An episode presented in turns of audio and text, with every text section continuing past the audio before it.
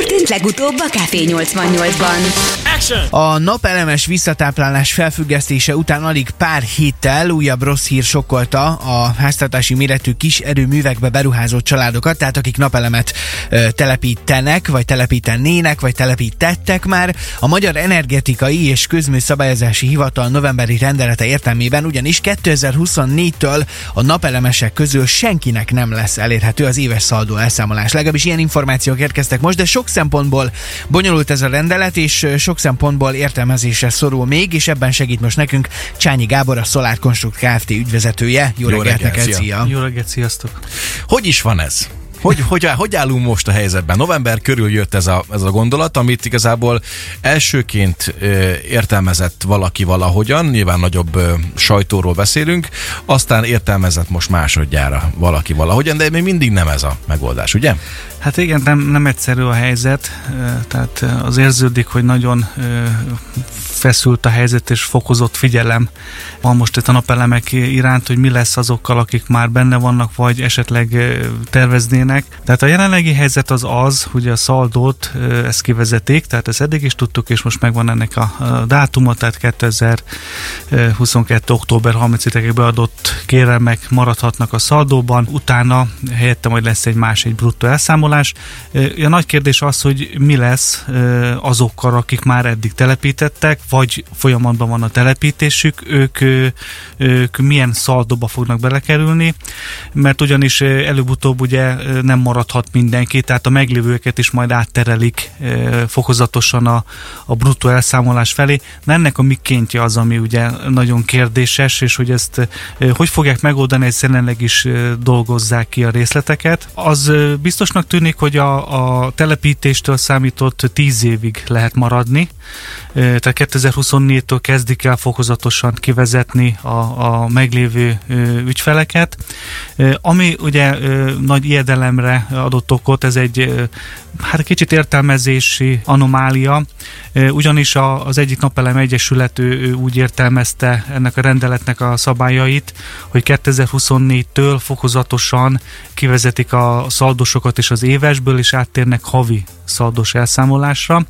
Ugye ez abban más, hogy nem egy év van rá, hogy megtermeld az éves fogyasztásodat, tehát a, a nyáron megtermelt többletet nem tudod szabadon a szaldó keretein belül elhasználni télen, amit bizony már havonta el kell számolni, tehát azért ez egy kedvezőtlenebb, mint, a, mint az éves, bár mondjuk még mindig sokkal kedvezőbb, mint amilyen majd a következő bruttó elszámolás lesz.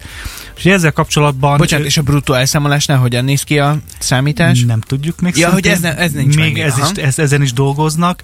Előzetes hírek szerint ugye ott ugye külön veszik a, a betápláltat és a, és a vételezett áramot. Valószínűleg a rendszer használati díjat azt mind a kettő után ugyanúgy meg kell fizetni. A kérdés az, hogy mennyiért fogja majd az általam megtermelt és fel nem használt áramot megvenni tőlem majd a szolgáltató. Ez egy nagy kérdőjel, ezt még nem tudjuk. Volt egy konferencia, egy napelemes konferencia, beszéltünk ennek a hivatalnak a vezetőjével, hogy azért tényleg valami biztosat tudjon már mondani, hát itt ez rengeteg ember érintve van, hogy akkor valami állásfogdalást és, és, és pontosítsuk már. Mondta, azt megerősített, hogy valóban gondolkodnak a havi szaldón, de még semmi sem biztos. Tehát itt, ami mai nap érvényben van, holnap már nem biztos, hogy az lesz. Hát igazából akkor, aki október 31-ig, mikor jött az a nagy csúcs, hogy Igen. be kellett adni a papírokat, hogy az éves szaldóba bekerüljön az ember.